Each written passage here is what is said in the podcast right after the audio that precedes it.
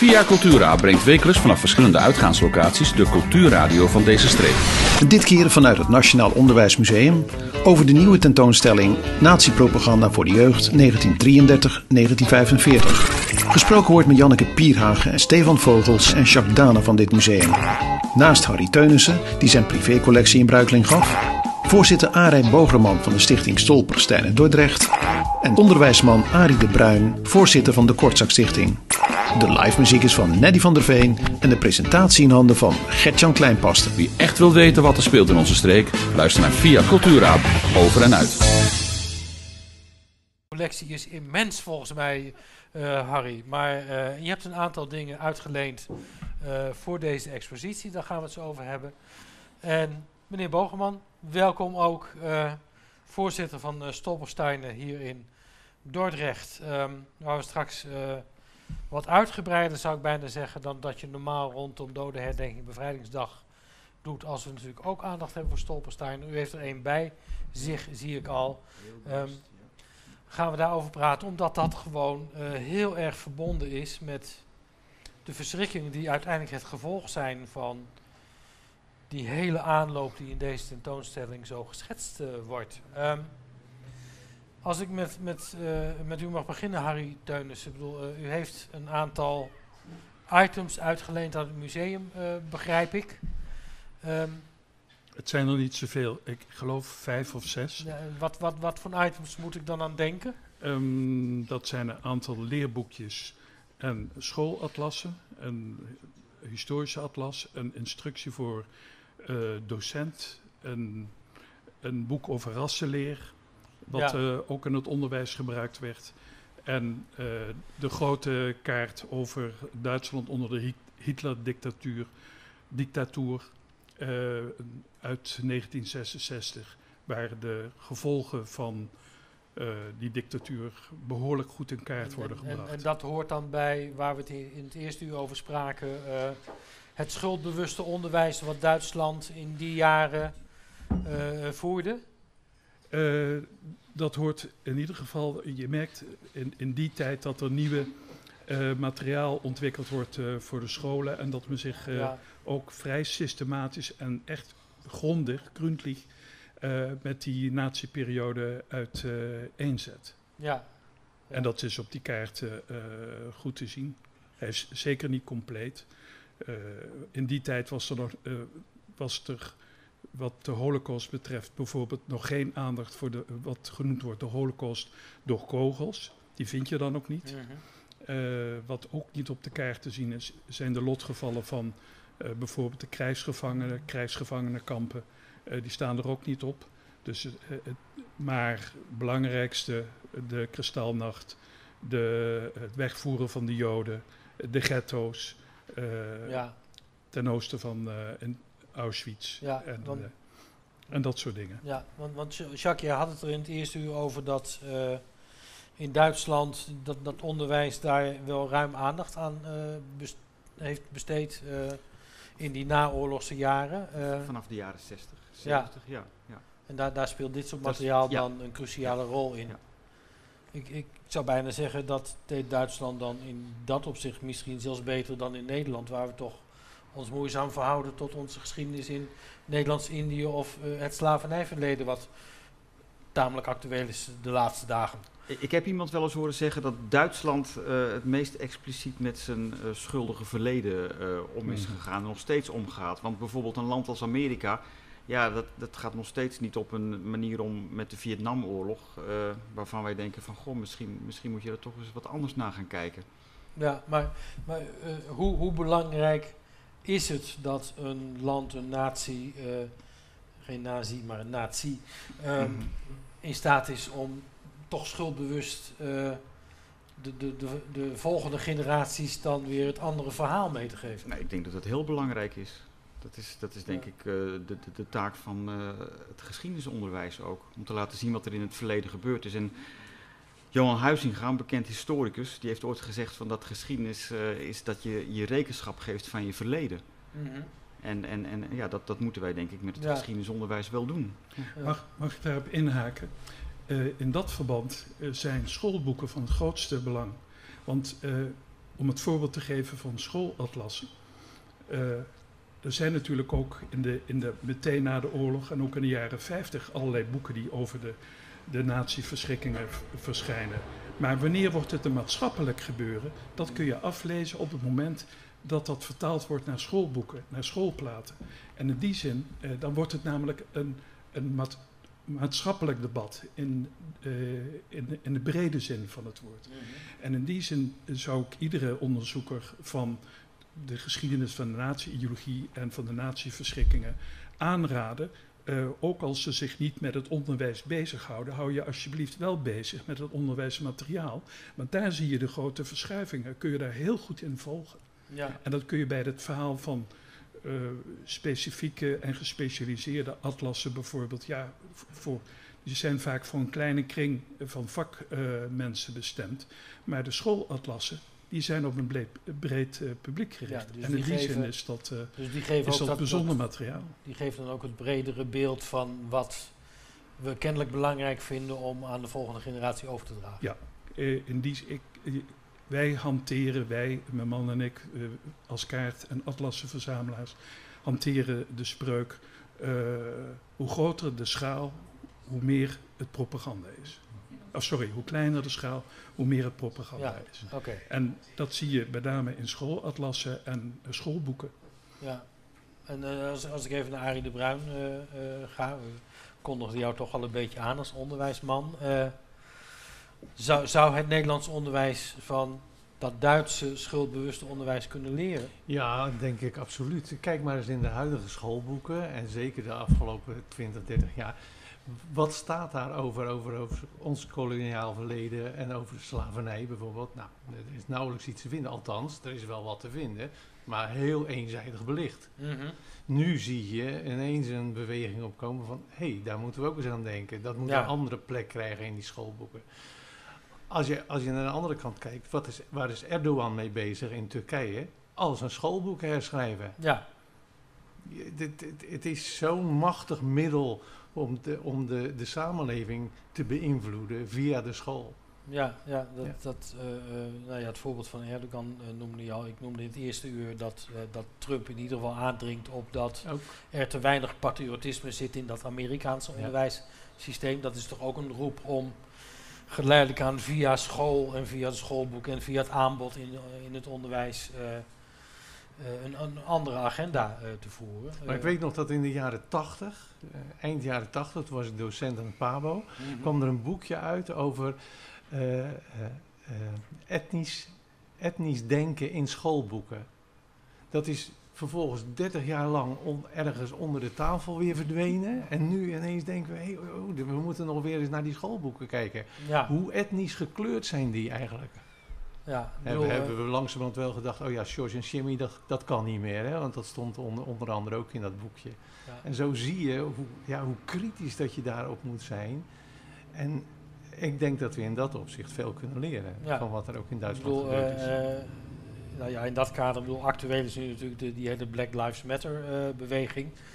Uh, die kiest in Nederland toch, toch vaak voor dat voorbeeld van George Floyd uit Amerika. Uh, maar kennelijk zijn er voorbeelden genoeg vanuit de Nederlandse context uh, te besteden om die beweging zeker zo activistisch of krachtig te kunnen maken. Ja, je ziet het ontzettend breed. Ik ben uh, afgelopen jaar in november in Israël geweest. Um, voor de Korczak Stichting ook. Korczak mm -hmm. heeft ook Joodse wortels. Maar dan zie je ook in de, in de Israëlische schoolboeken hoe daar over Palestijnen gedacht wordt. Ja. ja, op die manier indoctrineer je opnieuw een generatie vanuit dat denken. Ja, en, dan, dat is heel, uh, heel dan, zorgelijk. Dan, dan, en dan, dan stiekem mijn missie is dat een hele gevaarlijke opmerking aan tafel. Ik weet het niet, maar uh, uh, is, is het niet merkwaardig dat, dat dan in die samenleving die indoctrinatie toch ook op zo'n manier weer plaatsvindt? Nou ja, dat zijn de vragen die ik gelukkig daar kon stellen. Of, is dat mechanisme zo verweven met, met uh, het mens zijn dat je dat uh, in iedere samenleving ziet, ziet opduiken. Ik ben bang van dat laatste, ja. Want je ziet zelfs, ja, hoe zal ik dat zeggen? angst is een slechte raadgever. Dus op het moment dat er een soort angst gecreëerd wordt in een samenleving, in dit geval in Israël de angst voor de vijand, de angst voor de Palestijnen, dan zie je hoe mensen daar een heel eenzijdige blik door krijgen. Wat doet Trump? Hij creëert angst. Nou, ik zou bijna zeggen, ieder, ieder autocratisch leider eh, eh, creëert een vijandbeeld Ja. en een bepaalde vorm van angst. Ja. Waarmee die, die bevolking zeg maar in zijn macht probeert Ja. eh, te krijgen. Ja. Is, is dat dan het bouwen aan zo'n soort bubbel waar jij het over hebt? Dat is inderdaad waar ik aan moest denken. Dan ga je inderdaad van, ja, je creëert dan als het ware een bubbel. Ja. Door enkel die, ja, die eenzijdige informatie eh, aan te bieden. En dat waarschijnlijk alleen die voorbeelden in onderwijsboeken te tonen of die voorbeelden te posten op social media en niet meer die andere kant bekijken. Ja, En dan is, het- ja, dan is de vraag van, goh, prik je daar doorheen en ga je jezelf afvragen, oké, maar wat is dan die andere kant? Ja. Is er nog een ander perspectief in deze discussie? En zodra die verdwijnt, ja, zit je Ja. in die bubbel. Eh, en nou zei jij in ons voorgesprek, eh, eh, voordat we met de uitzending begonnen, dat er in Nederland zelf ook voorbeelden genoeg eigenlijk op straat liggen. die, die, die kunnen werken om kinderen zich bewust te maken van hoe dat mechanisme werkt. Ik bedoel, heb je daar een voorbeeld van wat je, wat je er zo even uit kunt tillen? Nou, het leuk, leuk is als je gewoon door Nederland loopt, is dat je overal op prullenbakken en op lantaarnpalen zie je eigenlijk wel stickers. Ik noem dat eh guerrilla propaganda. Eh, en ik, ik liep door, een, eh, door de wijk waar ik woonde in Leiden en dan zag ik een sticker. ja, 50% Zwarte Piet is 100% racisme. Om weer terug te komen op Ja, de Black Lives Matter discussie. En dat was een sticker uit 2000, eh, 2018. En dan denk je van, god, zo'n sticker, een straatbeeld, dat probeert ook iets te betogen, dat probeert je iets aan het denken te zetten. En het leuke, of tenminste het meest interessante daarvan was, was dat hij voor de helft was weggescheurd. Dus iemand heeft zich aan die sticker geïrriteerd. Die heeft gezegd, nou daar ben ik het niet mee eens. Mhm. En die heeft dat geprobeerd weg te scheuren, maar Ja. is hem niet helemaal gelukt. En dat is dan zo'n zo'n schrijnend voorbeeld van de polarisatie in de samenleving op dit moment ja, aan de hand van zo'n sticker. En het is heel eh, interessant om naar dat soort eh, ja, elementen in onze omgeving te kijken. En dan te zien van, goh, wat, wat speelt nou in de maatschappij? ja. Wat houdt mensen bezig? Ja, en eh, bedoel, je noemt het begrip polarisatie al. En is, is dat nou eigenlijk het, het kernbegrip eh, als het gaat om eh, zo'n angstbeeld of om strijd tussen bubbels? Ik bedoel, eh, Ja, je probeert be- mensen begint, begint, begint ieder conflict met, met, met polarisatie? Ik weet niet of ieder conflict ermee be- begint, maar het, is, het maakt er wel onderdeel van. Een, een, een hij en een, of een, een wij en een zijkant creëren. Jezelf proberen af te zetten tegen iets anders, zodat je jezelf uniek maakt, iets groter maakt. Terugkomend op het voorbeeld van Trump kan het patriotisme in scholen weer eh, gerelateerd worden aan zijn retoriek America First. Hè. Wij Amerikanen zijn bijzonder, wij moeten op de eerste plaats komen, Ja. daar moeten we aandacht aan besteden. En daarin zet hij zich af tegen de rest eh, van de wereld. Dus dan creëer je een wij, een, ja, een heel stevig wij- en zijbeeld. Ja, en dat, dat is dan op wereldschaal, maar eh, hij, hij creëert natuurlijk ook eh, intern in de Verenigde Staten. Ja, er zit natuurlijk heel veel subtiele gelaagdheid eh, in. eh, de manier waarop hij over democraten eh, praat Ja. is eh, enorm polariserend. Ja, Eh, inderdaad. maar jij wilde er wat over zeggen, Harry? Eh, ja, ook naar aanleiding van de tentoonstelling. Eh, want eh, hier is, is een vooronderstelling eh, zit hierin, namelijk dat propaganda werkt. En eh, daar wil ik toch eh, kanttekeningen bij zetten. Eh, ik denk dat het, het werkt wel, maar niet zo rechtlijnig. Want als je de antisemitische propaganda bekijkt die op school, in de schoolboekjes, de giftpiels, de giftige paddenstoel, en Mhm. nog een aantal andere boekjes naar voren komen, dan als je dat zegt van ja, dat leidt uiteindelijk tot eh, onder andere tot de vernietiging van 6 miljoen eh, Joden, dan vind ik dat veel te rechtlijnig eh, gedacht. Want dan kom je bij de stelling uit van Goldhagen, Hitlers gewillige beulen, dat namelijk de Holocaust het gevolg is van de haat die gekanaliseerd is door de propaganda en dat die zich heeft ontladen in de Holocaust. En ik denk wat, wat de propaganda doet, is dat het een deel van, van de, bij de mensen slaat het inderdaad zo aan. Daar wordt het tot een, een, een soort complottheorie eh, van de Joden die de wereldheerschappij eh, in handen hebben en langs allerlei wegen proberen het nationale volksbestaan te ondermijnen. Maar bij een grote groep eh, leidt dat niet zozeer tot, tot een overtuiging van haat, maar tot een, het niet meer weten. Tot een onverschilligheid.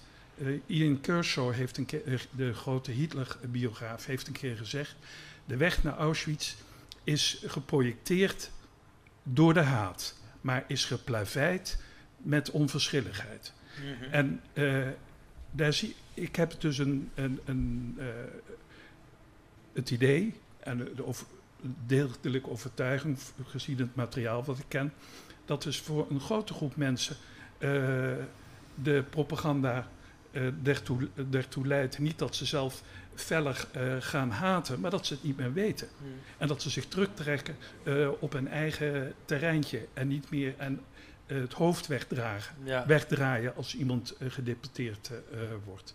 En eh, dus in die zin eh, is propaganda werkt, maar niet zo rechtlijnig als je van de boodschap van Ja. de propaganda Nee, zou maar, maar verwachten. als, als het leidt tot het niet meer weten en eh, onverschilligheid noem je dat. Ik bedoel, eh, kom ik toch weer even terug bij, bij Stefan Vogels. Eh, dat is natuurlijk een aspect ehm, wat ook in die, die hedendaagse bubbeltjes zo werkt. Ik bedoel, je bent geïnteresseerd in je eigen bubbel en eh, de bubbel daarnaast, die interesseert je niet, dat laat je koud, onverschillig. ik bedoel, de parallel die, of de, de niet-rechtlijnigheid die Harry schetst, herken je dat daar ook in? Eh, ja, dat, dat zie je natuurlijk zeker terug. Ehm, op den duur ja, wordt er zoveel geplaatst in die propaganda, tenminste dat zie je terug in Nationaal Socialistisch Duitsland, dat je inderdaad de kans krijgt van, goh ja, wat gebeurt er nou eigenlijk? Heb ik alles nog wel paraat? Misschien is dat wel het juiste, Mhm. misschien is dat niet het juiste. En dan kom je op onverschilligheid uit. Ja. Ja, dat maakt er inderdaad een belangrijk onderdeel van. Dat is alleen heel lastig meetbaar, want daar heb je geen... eh, nou, propaganda, dat uitzicht natuurlijk, dus dat kan je makkelijk terugvinden. Maar die onverschilligheid, dat zit echt in die mensen zelf. En dat, dat is wat lastiger meetbaar. En Ja. daarom ook lastiger te Snap duiden. ik. Ik bedoel, Ja, eh, en, en dan onzekerheid gevoed door angst Ja. Leidt tot terugtrekkingsgedrag. Mhm. Ja, Dat zie je bij dieren ook. Hè? Die trekken zich ook terug bij elkaar. En dat is die onverschilligheid, dan niet meer kijken. Ja, dat Ja, is ook een Onzekerheid gevoed door angst. En leiders, dictators, voeden angst. Dat, dat is een van hun machtsmiddelen. Ja, nee, dat, dat is Ja. de, de parallel die je Ja. bijna in, in ieder land met een autocratisch leider wel eh, ziet. Of het nou Rusland is Ja. of eh, Brazilië of Hongarije, Polen, noem ze maar op. Helaas steeds meer landen waar je dat type leiderschap weer gaat herkennen. Dat vind ik wel een zorg. Eh, Nou, En- ik vind dat we niet te snel parallellen moeten trekken tussen het nationaal socialisme en autoritaire ontwikkelingen. Die zijn er hier en daar wel, maar eh, het, om dat te snel gelijk Ja. te schakelen, dan eh, on- eh, miskennen we gewoon de tegenkrachten die er ook Ja. zijn. En dan miskennen we ook dat daar een, een, heel andere geschiedenis en ook een andere instituties van de overheid, checks en balances zijn, die eh, dat Ja. soort ontwikkelingen tegengas kunnen geven. Ja, en dan valt het van de verdere debatten af hoe het kwartje naar welke kant dat valt. dat, dat, dat Maar vind ik, ik- maar dat ik- vind ik ik- wel ik- eens... Ik wel vind eens dat toch te, te snel. Nou, om- dat vind ik wel eens spannend hoor, Harry. Want eh, je probeert toch, zeg maar, eh, eh, eh, als je denkt dat een, dat een eh, eh, beweging de verkeerde kant op gaat, zo snel mogelijk daar eh, in te grijpen en het te onderkennen en het te herkennen. Eh, en als dat allemaal heel erg eh, genuanceerd ligt, dan heb je dus de kans dat je het toch weer te laat ontdekt. nee. Hoe, hoe moet je daarmee omgaan? Ehm, ja, dat is natuurlijk de grote vraag. Eh, maar laat ik ehm, eh, terugkeren naar, naar het onderwijs en de opvoeding, want ik vind dat is natuurlijk een belangrijk punt. Ehm, hoe ga je om met bubbels? Hoe ga je om met complottheorieën? en hoe prik je daar doorheen? Ik heb het zelf, eh, ik heb in het eh, hoogonderwijs gezeten eh, en ook ho- hoogonderwijs voor ouderen. En dan een van de manieren bijvoorbeeld om met sociale media, met internet, hè, dat is af en toe bijna een hallucinogeen medium. Want alles wat je vraagt, alles wat je, er, wat je wilt weten, wordt bevestigd. Dat is het tegenovergestelde van de wetenschappelijke houding, want daar gaat het juist om, om bepaalde stellingen te, on- eh, te Ja. ondermijnen. Nee, het voedt voortdurend Ja. je eigen bubbel. Ja, Ja. en een van de manieren om dat aan de orde te stellen is, eh, ik heb studenten altijd eh, gezegd, eh, pak eens een onderwerp waar je heel goed in thuis bent. Wat je goed kent.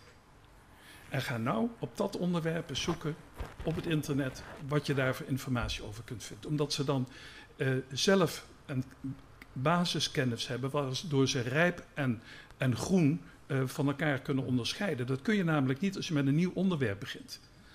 En dan ben je overgeleverd eh, aan al die tegen elkaar tegensprekende meningen. En ik vind dat dus ook. we hebben dat gehad eh, in het eerste uur over Hannah Arendt. Het, Mhm. het belang om feit en fictie te onderscheiden. Ja, En ik denk dat, eh, dat in het onderwijs het, eh, het kritisch eh, omgaan met informatie, met sociale media, van het grootste belang is. Maar niet alleen in het onderwijs, maar dat vind je ook in een stad. ja. Voorkom ghetto's. Dat is hetzelfde als voorkom bubbels. Of probeer die zoveel mogelijk ter discussie te stellen. Hoe voorkom je bubbels in een stad? Nou, ook heel simpel. Door bijvoorbeeld sociale woningbouw midden in een eh, centrum eh, te zetten. Zorg dat de verschillende maatschappelijke groepen niet allemaal in hun eigen ghetto's of wijken eh, zitten. Ja. Want dan krijg je automatisch contacten. En ik denk juist dat op dat soort punten het onderwijs, verenigingsleven, de kerken, de woonomgeving, dan- dat zijn allemaal kanten om een bubbel, Dan, dan, ga- dan gaat het er weer over organiseren dat je andere mensen kunt ontmoeten. Ja. Om eh, een bredere blik te kijken. En dan denk ik weer aan eh, de tentoonstelling in die Hitler- Hitlerjugend. Ik bedoel, iedereen in hetzelfde uniform. ging er natuurlijk ook weer om om de ander niet als ander te ontmoeten, maar als gelijkgestemde en kameraad in hetzelfde profiel. Ja, en ik vind dat belangrijker, die discussie, dan eh, welke parallellen zijn er te trekken met Trump of met Erdogan. Ja. Dat zijn ook belangrijke debatten in die landen zelf. Maar wat hier in Nederland, eh een van de dingen die mij het. eh, eh, ik ben nogal betrokken bij, het, bij sommige moskeeën in Rotterdam. En als ik dan toch op een parallel mag wijzen, in heel beperkte mate, is het beeld van de Joden, wat geschetst wordt in Nazi-Duitsland, dat er sommige elementen zijn die daar nu terugkomen bij het beeld van de moslim. Hm. Het Ja. is nog niet georganiseerd, het is, het heeft, is nog niet eh, systematisch ondersteund door de instellingen, integendeel gelukkig. Maar dat soort elementen Ja. zijn er wel. Ik Maar stel en- voor en- dichter bij en- huis en- te blijven. En er zijn ook wel politici die proberen te voeden Hm. dat dat wel systematisch wordt. Ja. Eh, ja, en dat is ook, eh, en ook soms ook het gedrag van bepaalde groepen moslims eh, speelt hun in de kaart. Ja, dat, ja, ik bedoel, die bevestigen dan weer eh, het, het vooroordeel, bij wijze van spreken. We gaan even eh, naar een stukje muziek weer. Je zit er weer helemaal klaar voor, Deli. En wat gaan we zingen? Eh, ik ga break doen van uh, Selassou. Mooi nummer, ja.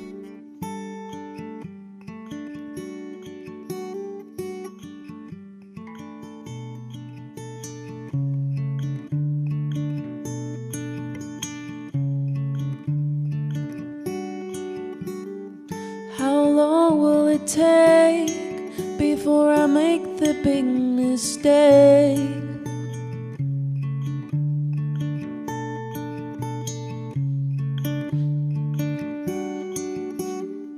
And how long will it take before my eyes speak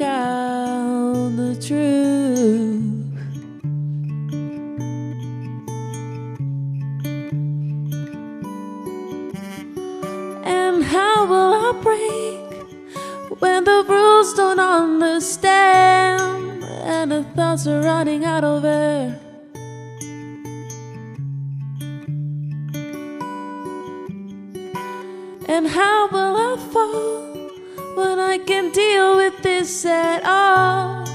It's getting dark, to break my wall. Nobody gets my point at all. At all.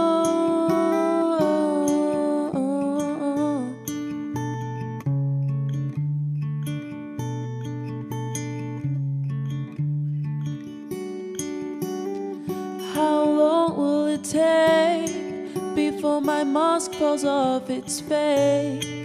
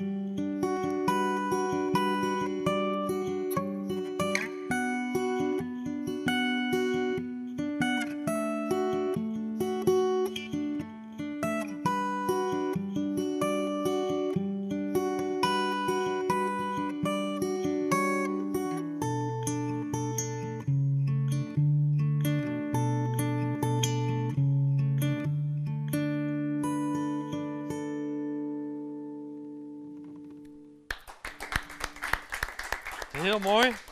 Dankjewel. Straks nog één nummer, dan eh, laten we ons nog een keer verrassen.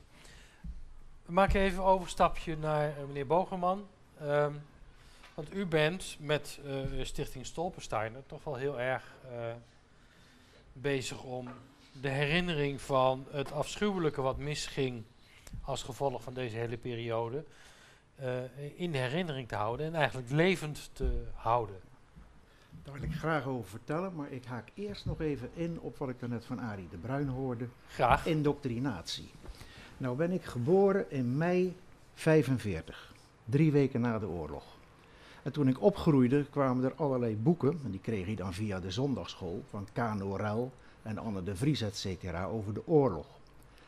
En ik kreeg de verhalen van mijn vader, die vertelde over de Joden, die Joodse families, die uit het dorp gedeporteerd waren, weggehaald.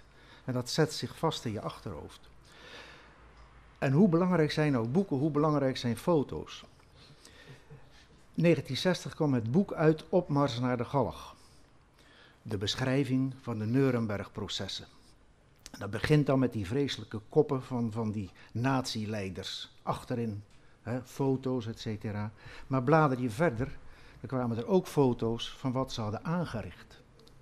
En ik was aan de grond genageld. Ik zie een foto, een vage foto, een rij mensen die langs een greppel staan. Een moeder, uitgekleed, bloot al die mensen. Een moeder met een kind op haar arm. En het onderschrift was dat ze daar ter plekke doodgeschoten werden. Dat vond ik zo vreselijk. En dat heeft zich in mijn achterhoofd vastgezet. Dat is daar blijven zitten. Ik ben later meer gaan lezen over de oorlog, et cetera. En nu kom ik op het punt dat zeven jaar geleden de secretaris van het genootschap Nederland-Israël mij vroeg: Ari, wil jij iets doen met stolpersteinen? Ja, ik zie het aan je gezicht, jij weet niet wat dat is. Nou, kijk dan maar eens op internet, stolperstein, en dan wordt het wel duidelijk. Nou, dat heb ik gedaan. En toen werd het me duidelijk en ik wilde dat graag doen. Iets terugdoen voor, voor ja, de Joden, zeg ik dan maar. Want ik bewonder die. Ze hebben zo ongelooflijk geleden. Maar de veerkracht van dat volk, dat is onvoorstelbaar. Als je ziet dat Israël 75 jaar geleden is ontstaan en daar nog steeds is. En alleen maar machtiger wordt. Ben het niet altijd eens met het regime daar, wat ze doen. Maar ik bewonder wel het volk. En dan kom je dus bij die Joden. En dan kom je dus bij de, de uitvloeiselen van die vreselijke waanideeën van de naties. Dat er mensen zijn, volken zijn van een veel lagere orde. Je had Ubermenschen, dat waren ze zelf natuurlijk. En dan Untermenschen, dat waren de Slavische, minderwaardige Aziatische volken. En dan ook nog de Unmenschen, de onmensen. En dat waren dan Roma, Sinti, Joden, etc. En dan mocht je als Ariër mee doen wat je wilde. Nou, dat hebben ze georganiseerd. Dat is uitgelopen dan in die massamoord op, op dat volk. En dan heb ik hier een voorbeeld. Want nou, en nou kom ik op het punt van de stolpersteinen. Een stolperstein, een struikelsteentje, een betonnen kubusje. Struikelen. Ja, dat doe je niet. Die dingen worden in de straat ingemetseld, maar wel op straatniveau, dat het allemaal keurig vlak ligt. Maar je struikelt als je de tekst ziet wat daar staat. Die steentjes beginnen altijd met hier woonde. Ik heb hier een steentje meegebracht van Milka Katan, het dochtertje van de laatste rabbijn van Dordrecht. Een kind van twee jaar oud. Dit kind is met haar broertje van vier, een broertje van zes en haar moeder naar Auschwitz gevoerd en die zijn moeder en drie kinderen op dezelfde dag in de gaskamer omgebracht. Er staat hier dus ook letterlijk Milka Katan, geboren 1940, vermoord. Er staat niet omgebracht of weg, nee, er staat duidelijk vermoord 23 november 1942. En vader Katan, die is een aantal maanden later vermoord. En dan hadden ze ook nog in huis een stiefzoon, Ernst, Ernst Hesdurfer. Een jongen uit Bad Kreuznach, die samen met zijn broertje in 1939 na de Kristalnacht met een groep kinderen in Nederland is terechtgekomen. Er zijn 8000 kinderen naar Engeland gegaan, er zijn 2000 kinderen in Nederland terechtgekomen. Die werden ondergebracht bij gastgezinnen en meestal dan bij Joodse gezinnen. Dus ook die pleegzoon van 16 jaar oud is in Auschwitz Ja. vermoord. En dit, dit steentje, dit, dit systeem van herdenken is bedacht door een zoon van een weermachtssoldaat. Hij is hier in Dort geweest bij de eerste keer dat die steentjes geplaatst werden, zijn verhaal verteld.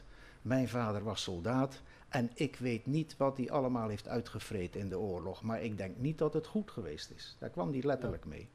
En hij wilde dus, de, is begonnen met de Roma en Sinti te herdenken en vervolgens de Joden. In Berlijn, 1995, de eerste steentjes. Grote weerstand, dat wilde men niet echt.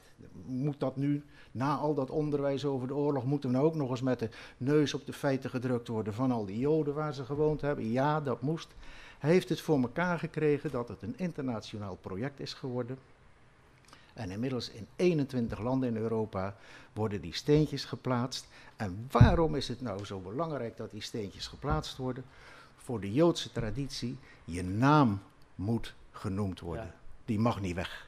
Staat al in de oude schrift, Maar, in de Bijbel. maar ook in Nederland was volgens Ja. mij aanvankelijk redelijk wat weerstand tegen het feit dat we stolpersteinen zouden gaan plaatsen. Ja, maar die weerstand is toch gauw overwonnen, laat ik dat maar zeggen. En ja, nu dan inmiddels hier in Dordrecht, wij zijn al een eind op weg. Want wat, het is afhankelijk van hoeveel Joden hebben in jouw stad of dorp gewoond en zijn weggevoerd en komen in aanmerking voor zo'n steentje. Ja. Nou, hier is het overzien, 206. En we hebben er al 134 geplaatst. En als het goed is, komt in november Günther Demnig weer naar Dort en gaat hij opnieuw 30 steentjes plaatsen. Dus we, gaan de goede kant op, maar we zijn er nog niet. En wij kunnen dit doen omdat we in een welvarend land leven. En tot nog toe is alles door onze werkgroepen betaald. Want toen we ermee begonnen was natuurlijk de vraag waar halen we het geld vandaan? Nou, dat is van particulieren, van stichtingen, van kerken. Dan krijg ik een telefoontje, meneer Bogerman. We voelen ons sterk verwant met het volk van Israël. We gaan zondag collecteren in de kerk en de opbrengst is voor de stolpersteinen. Pats, komt er weer geld binnen. En zodoende hebben we tot nog toe Ja. alles kunnen betalen. Ja, en eh, het, het, het mooie aan vind ik, en, en u schetst ook hoe belangrijk dat, dat is in, in de, de Joodse traditie ook, dat ehm, het, het krijgt duidelijk een, een naam. Het wordt gewoon eh, los van de vreselijke aantallen mensen die omgebracht zijn. eh, het krijgt concreet een naam waarbij je stil kunt staan, waarbij je kunt nadenken over wat er is gebeurd. Ik zou bijna zeggen, ook op social media speelt dat tegenwoordig, dat er dagelijks eh, eh, eh, als nagedachtenis mensen die vermoord zijn in een concentratiekamp gewoon met naam genoemd worden in een tweet ehm, om, om erbij stil te staan. En door het persoonlijk te maken komt het veel duidelijker binnen dan alleen maar aantallen of het, het aantal mensen wat er in een kamp vermoord is. omdat het een gezicht en een naam krijgt. 6 miljoen is abstract. Maar worden het zes mensen, familie Catan, Ja. hier op de Rozenhof, 300 meter verderop, dan komt het heel dichtbij. En dat slaat in bij mensen. Ja. En daarom is het zo belangrijk dat je dat individueel kunt doen. En nou ziet dit steentje Ziet er prachtig uit natuurlijk. Hè? Zo komen ze nieuw uit het atelier. Mhm. En vanochtend heb ik nog eens even met koperpoets eh, er wat Ja, ik dacht, wat, ik dacht Ja. die komt niet nou Ja. uit de straat. Nee, nee, eh, nee, nee, nee. Maar leggen ze eenmaal onder weersinvloeden, Ja. gaan ze al heel gauw verkleuren. Het wordt eerst lichtbruin en dan donkerbruin. En nou is onze doel, want als ze donkerbruin zijn, vallen ze nauwelijks meer op. ja. Ons doel is scholen te interesseren, mensen te interesseren van poets die dingen met regelmaat, dat ze op blijven vallen. En dat is tot nog toe redelijk gelukt, maar dat is wel een opgave. Nou, nou, nou, Maar door die scholen erbij te betrekken, en dan kijk ik naar Arie de Bruin, is, en, en als we de steentjes plaatsen, gaat via Arie ook het bericht naar de scholen toe. Er worden weer stolpersteinen geplaatst. Dan zijn er vaak klassen bij aanwezig. En die kinderen krijgen dan van tevoren onderwijs over de vervolging en Wereldoorlog 2. En dan wordt ze gevraagd, nou, maken jullie, schrijf er zelf iets over, maak eens een gedicht. En het is ontroerend dat je dan kinderen van 10, 11, 12 jaar ziet. Staan ze met een papiertje, ze zijn vaak nauwelijks te Ja. verstaan, dat geeft niet. Maar dat ze dan hun gedicht voordragen. Nou, dat vind ik prachtig. ja, maar, en nou, dan blijft bij die kinderen, zoals bij mij dingen zijn blijven hangen uit mijn jeugd, Mhm. blijft bij die kinderen hangen. ook hangen. Ja, dus het Ja. lijkt, lijkt me heel belangrijk. Ik bedoel, eh, eh, er zijn ook schoolklassen die adopteren eh, een oorlogsmonument. Dat is redelijk bekend. Maar zijn er ook al schoolklassen die een straat adopteren waarin ze stolpersteinen poetsen? Nog niet, maar daar werk ik aan. Oké. Nou, Want ik het had, ik, project, ik- ik, ik, heb een aantal lessen ontwikkeld hiervoor. Ja. Oorspronkelijk voor Rotterdam, Mhm. voor het Ja. Joods Kindermonument. Daar ben ik begonnen. Mhm. Eh, omdat ik eh, voorzitter ben van de onderwijswerkgroep van de Stichting Joods Kindermonument in Rotterdam. En het project ziet er zo, ziet er zo uit dat eh, kinderen krijgen dus een aantal namen, eh, puur namen. En dan is de opdracht van, nou ga eens uitzoeken, wat, wat, is er te, eh, wat kan je te weten komen over die namen? Mhm. Nou, via websites enzovoort. En dat zijn, in Rotterdam hebben we altijd de namen van de kinderen op het Joods Kindermonument. Maar hier hebben we de namen genomen die vervolgens eh, eh, op de stolpersteinen staan. Ja. Ja, en dat is een kwestie van, van, van, van op onderzoek uitgaan. En het komt dan verschrikkelijk dichtbij. Want het is vaak het kind wat woonde in de straat waar jij ook woonde. Ja, In, in, in Rotterdam ben, ben ik, ik krijg er nog kippenvel van als ik het vertel. Een meisje in een klas die ineens roept, meester, meester, hier woon ik. Dus het kind wat zij aan het onderzoek was, wat, wat weggevoerd was Ja. destijds, dat, dit slaapkamertje was haar slaapkamer. ja. Ja, dat, dat vergeet je nooit Nee, je nee, leven dat, lang. dat, dat, dat, Dat is- brandt dan ook op je Netflix. eh, ja. Ja. Goed. Ja. Gaan we weer even naar, naar eh, Stefan. Eh, Ik bedoel, want jij probeert vanuit deze expositie ook eh, een educatief programma richting scholen te brengen. Er zit wel een parallel in educatieve programma's om deze herinnering eh, goed over het voetlicht te brengen. Eh, wat, wat behelst jouw educatieve programma waar je scholen mee ondersteunt? Ehm, dat, is, dat is voornamelijk de ontwikkeling dus van beeldgeletterdheid. Hoe ga je dat beeld nou lezen? Wat, valt er, wat zijn er voor, ja, voor verborgen boodschappen in dat beeld te lezen? Als onderdeel van nou, burgerschap, beeldkritiek, mediawijsheid. Dus hele belangrijke vaardigheden eh, in onze samenleving. Want we worden dagelijks gebombardeerd met nou, honderden, duizenden beelden. En ja, probeer daar nog maar eens een weg in te vinden. Eh, en dan inderdaad niet onverschillig tegenover te raken in Mhm. alles wat voorbij komt. Blijf kritisch. Ja. En dan gaan we ze stap voor stap aanleren van, goh, hoe, hoe kan je nou eigenlijk kritisch worden? Hoe train je dat nou? En dan gaan we dus eerst, eh, ja, die nazi-propaganda, de prenten die voor kinderen gemaakt zijn, zitten vol met voorbeelden, ja, goede voorbeelden eh, om nou zo'n beeldkritiek oefening op uit te voeren. Want eerst ga je kijken van, goh, wat, wat zie ik nou eigenlijk? En dan kijk je naar de primaire kleuren, naar de primaire vormen. Bijvoorbeeld heel veel rood eh, duidt iets socialistisch aan. Dat was ook de kleur Mhm. van de partij. Het kan ook Ja. het communisme aanduiden. Eh, dan, hè, wat, bet- wat betekenen die kleuren? Dat is eigenlijk al de tweede stap. Dan ga je betekenis toekennen aan die vormen en die kleuren. En dat geheel bij elkaar, eh, nou, dat is een soort van puzzel. Hè? Welk verhaal vertelt die puzzel? En dan ga je het met aanvullende informatie in context plaatsen. En dan ga je kijken goh, waar probeert dat beeld mij nou eigenlijk van te overtuigen? En dat kan je telkens doen. Soms de, bij de ene, het ene beeld werkt het beter dan het andere beeld. Ja. Ehm, nou, dat gaan ze in de tentoonstelling doen. Ze gaan luisteren naar elkaar. Eh, in eerste instantie is het, eh, nou, stel een klas komt met 30 kinderen, dan lopen ze door de tentoonstelling heen en laten ze bij 10 verschillende items allemaal hun eerste impressie achter. Van goh, wat zegt dit beeld mij? En vervolgens gaan ze al die reacties gaan ze van elkaar verwerken, zodat ze 30 reacties hebben van goh, iemand, dit zegt iemand, eh, dat het zo is. En iemand anders denkt weer dat het zo is. En dan heb je verschillende perspectieven waarvanuit je dat beeld kan gaan analyseren. En dat presenteren ze dan aan elkaar, om dat zo te oefenen. Ik moet een ogenblikkelijk denken aan, de, er hangt één poster op de, de expositie van een eh, Duitse soldaat die, die vecht tegen eh, woorden als kapitalisme, communisme, eh, Ja. noem ze maar op. Eh, wordt die poster ook uitgekozen om Ja, die te wordt, kijken van, van wat, wat, wat vertelt deze poster mij nou? ja, want die poster die is, ook, die, die is ook gemaakt voor kinderen. Tenminste, die is gemaakt toen voor de Duitse jeugd. Om te zien dat de Duitse soldaat voor hun vecht tegen allerlei exotische vijanden. En dat is denk ik ook waarom je in die poster heel goed ziet dat die vijanden in een soort van mythische draakvorm eh, zijn weergegeven. Natuurlijk, een draak dat speelt altijd tot, of spreekt altijd tot de verbeelding, zeker bij kinderen. En een draak is hier dan ook die vijand. En opvallend ook is dat je ziet dat die soldaat die strijdt met een, eh, een zwaard. En een zwaard werd in de Tweede Wereld eigenlijk niet meer gebruikt. Misschien, Nee, misschien een bajonet nog. Dat, maar dat is eerder, eerder mythologisch dan... eh, ja, dus Die, die, die zwaard die zegt ook wat. En dat maakt het ook weer wat heldhaftiger. Dat verwijst weer terug naar, die, naar die Keltische tijd, of naar de, naar de riddertijd. De Germaanse tijd inderdaad is ook weer een teruggreep op dat. Maakt die Ja. strijd ook persoonlijker, van we doen het echt vanuit passie. En dat is allemaal heel grauw. Die strijd die is heel donker afgebeeld. En daarachter zie je een, een, nou, een trots eh, marcherende Hitlerjugend. Met eh, blosjes op hun wangen. Dat is de toekomst. Voor hun wordt gestreden. En wees trots dat jij daar ook tussen mag lopen in je, in je bruin hemd outfit. En dat je de vaandel van het, eh, van het Duitse Rijk mag dragen. Nou, en, dus dat is een heel interessant welk verhaal je daarmee kan vertellen. ja, En wat je daarin kan lezen. En waar, nou, wat het dus ook zegt.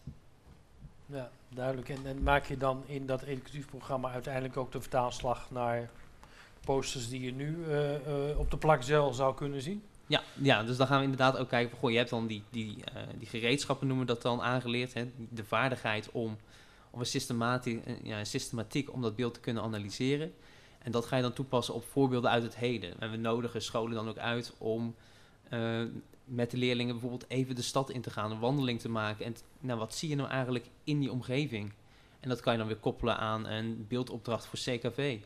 eh, of Mhm. voor geschiedenis. Ja. Ja, je kan het op heel veel verschillende vakken inzetten. En op die manier proberen we een brede doelgroep en daarmee ook aan te spreken. Ja, en en, en eh, welke leeftijdsrange probeer jij te bereiken met dit programma? Eh, nou, we hebben een verkorte versie voor het primair onderwijs. En dan eigenlijk vanaf het voortgezet onderwijs, maar ook het mbo en het hbo. Ja, Dus eh, van 10 tot, eh 10 tot 18 in, eh, in brede zin. Ja. En nou ja, het ouder kan natuurlijk ook nog.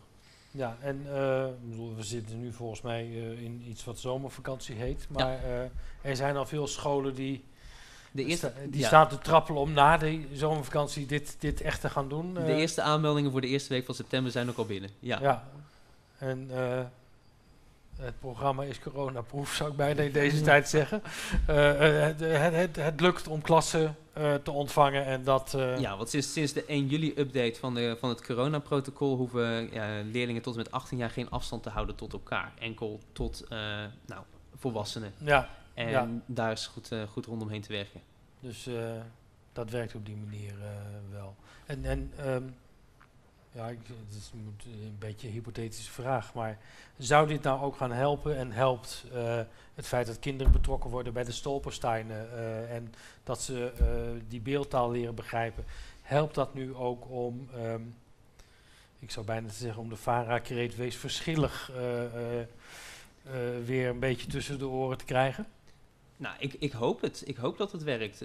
Dat, dat is natuurlijk inderdaad een hypothetische vraag. Dat, dat zal per kind verschillen. Maar het idee is dat je ze ja, alert maakt op de wereld rondom heen en actief daaraan laat deelnemen. Ja, En nou, dat is uiteindelijk ook het doel van, Ja. van, wat, we, van, ja, van wat het idee is van het Nederlandse onderwijs. Kritische burgers, Ja. die niet alles Eh, klakkeloos Kijk, kijk ik even naar eh Arie de Bruin, als, Ja, als, onder, als onderwijsman geïntroduceerd en zelf een, in ieder geval ook een onderwijslijn gemaakt om in Rotterdam eh, het thema eh, bij de kop te pakken. Eh, de, de, feit is, de vraag is natuurlijk altijd, wat is het doel van opvoeden dan? Is dat conformisme of is dat opvoeden tot zelfstandigheid en zelfkritisch denken? ik hoop het laatste. En ik hoop maar, het laatste. Ja, Ik hoop het laatste. Maar je ziet natuurlijk heel veel elementen, ook in, in, in ons huidige onderwijs, ja, die zijn di- direct gericht op conformisme. Iemand die buiten de paadjes loopt, die, die moet terug mhm. in de paadjes. Ja, En, en daarom is het ook ontzettend belangrijk om leraren in die lerenopleiding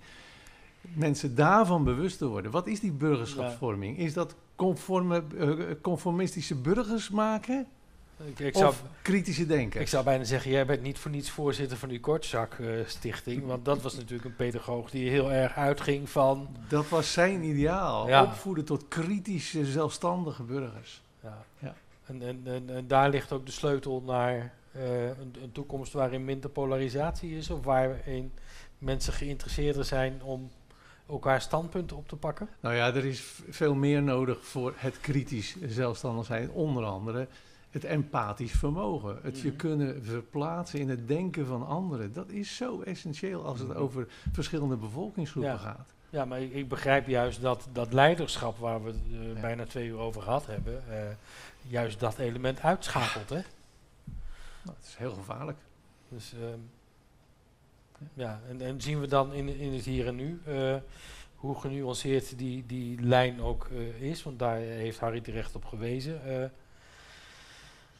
Nou, zien we daar nu dan toch tendensen van waar je bezorgd over bent? Of, Nee, ik, ik ben helemaal geen, geen pessimist, maar wel ik probeer wel realist te zijn. Je moet, je moet er wel heel kritisch op blijven.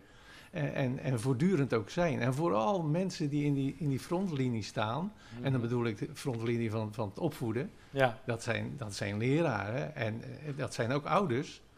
Ja, die moeten zich ontzettend bewust eh, zijn van wat doen we? Wat, en het Kotjak is voor mij daar een geweldig voorbeeld in ja, die voortdurend niet eh, top-down opvoedt, maar eigenlijk bottom-up, om het zo maar te zeggen. Die voortdurend luistert vanuit het respect. Wat hebben kinderen zelf in, in hun mars?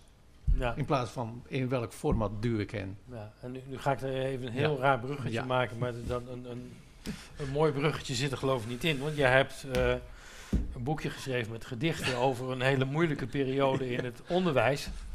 En dat had niet zozeer met inhoud te maken als wel met omstandigheden en met een virus. Eh, waarom heb je dit boekje geschreven en wat wilde je meegeven aan eh, eh, de onderwijswereld? Eh, eh, nou ja, ik, ik, ik maak vaak gedichten. Ik schrijf heel vaak gedichten. En toen die coronaperiode ontstond, dan denk ik, ja, iedere dag bruiste het in me op ongeveer. Hè? Dus overal zijn er gedichten over te schrijven. En ik heb een behoorlijk groot netwerk in het onderwijs. Ik dacht, nou, weet je wat, die ga ik eens rondstrooien. En eh, er kwam heel veel reactie op. En eh, zodoende ja, ging ik een periode in van iedere dag een gedicht voor het onderwijs. Om, eh, in deze periode. Ter bemoediging, ter inspiratie. Maar ook om kritisch te denken. Ja, maar, maar, en, en, En die en- zitten erin. En, en heeft het gewerkt? Ik bedoel, heb je, heb je er verhalen over teruggehoord dat mensen eh, het gebruikten, eh, eh, er blij mee waren? Ja, het is nog maar net uit. Maar ja, maar die, Maar die gedichten- gedichten, ja, die ik kreeg gedichten, er heel veel- gedichten ik- deelde ik- je via internet. Ja, Dus, ik, kreeg, ik kreeg heel veel, heel veel positieve reacties daarop. En ook, ook ja, herkenning, heel veel herkenning. Want ja, in- zo'n gedicht dan, dan maak je eigenlijk heel, heel klein de problematiek. Die breng je terug tot, tot, tot iets, ja, iets, iets, iets kleins. Dat Ja. is dat gedicht. je hebt een boekje open. Ja, liggen. nou ja, ik dacht, ja, je zal vast vragen of ik er een voorlees. Oh, je kent me. En dat zijn natuurlijk verschillen, want ze gaan niet allemaal over het onderwijs. Dus ik, heb, ik heb bijvoorbeeld rond 4, 5 mei heb ik ook gedichten geschreven ja. die heel duidelijk met die relatie met bevrijding te maken hadden. En met de dodenherdenking. Maar ik, ik dacht, nou weet je wat, ik neem, de, ik neem het laatste gedicht voor nu. Dat is voorbij. Als corona straks voorbij is, hoe zal het dan zijn? Is dan alle leed geleden, is dat, eh, of is dat alleen maar schijn? Is er in Syrië dan vrede? En hoe zal het dan op Lesbos zijn? En is Trump dan afgetreden of is de wereld dan te klein? En als je vlucht, ben je dan welkom waar je misschien veilig bent? Of krijg je dan wellicht geen status omdat je nergens wordt gekend? Maken wij dan weer excuses voor wat we niet hebben gedaan? Of blijft alles bij het oude en weer gaan met die banaan? Ja, ik maak me toch wat zorgen om dat virusje van morgen. Als corona straks voorbij is en de wereld covid-vrij is. Mooi, dankjewel. Ehm we schieten al aardig op naar een eh, eh, afronding eh, van deze twee uur die we hebben besteed aan deze expositie. Ik hou hem nog maar een keertje omhoog. Nazi-propaganda voor de jeugd 1933-1945. echt eh, scholen, schooldirecteuren, leraren, eh, kinderen, ouders, ga kijken. Want het is een indringende en hele mooie tentoonstelling. Ik wil eh, jullie allemaal aan tafel in ieder geval bedanken voor eh, het praten erover. Stefan Vogels, dankjewel. Ik hoop dat jouw educatieve programma eh, gaat aanslaan. Harry Teunissen bedankt, meneer Bogerman bedankt, Jacques Dane bedankt, Arie de Bruin, reuze bedankt ehm, voor eh, de bijdrage hier aan tafel. We gaan er straks uit met het laatste liedje van Dedi van der Veen. Maar voordat je gaat zingen, Dedi, ehm, kunnen we je binnenkort eh, muzikaal nog ergens anders zien opduiken? Zijn, er plannen? Plannen? Ehm, ik weet niet zo goed. Ik eh, ga deze tijd ook heel gebruiken om mijn eigen nummers ook te schrijven. Mhm. Dus eh, jullie kunnen me altijd volgen op eh, Facebook en zo. En, en zet je- Instagram. zet je ook af en toe een liedje neer of... eh, Nou, dat eigenlijk niet. nou ja, dat moet je dan wel doen, anders kunnen we je niet Ja. volgen. Klopt. Ja. Maar ja, op, op mijn Instagram staan wel liedjes, maar dat is misschien voor de mensen die daar goed in eh, Ja, bekend ik- zijn. ik geloof dat ik toch eens de overstap naar Insta moet maken. Ik Ja, ben daar nog niet zo heel goed in, maar dat, misschien, misschien willen mensen me dan wel gaan helpen of zo. Ehm, Komt goed. het laatste liedje wat je gaat zingen, dat is... Eh, Melody Gordot, Baby I'm a Fool. Ah, Melody Gardot is wel een van mijn favorieten.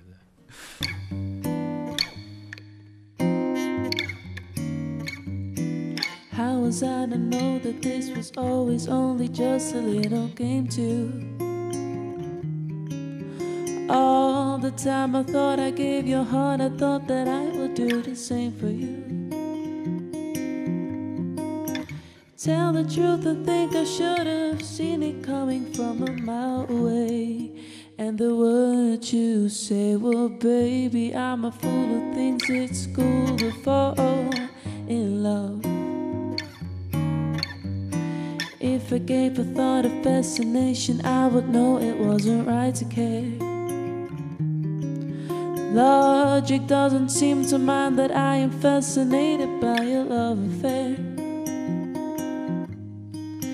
Still, my heart will benefit from a little tenderness from time to time. But never mind, cause baby, I'm a fool who thinks it's cool to fall in love.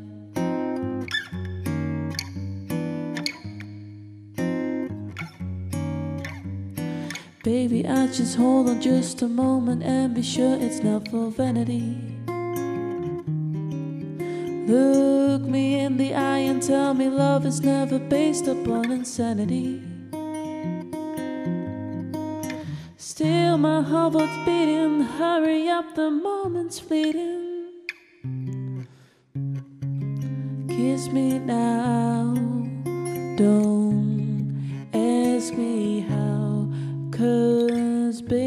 I'm a fool who thinks it's cool to fall. Baby, I'm a fool who thinks it's cool to fall. And I would never care if you became a fool and fell in love.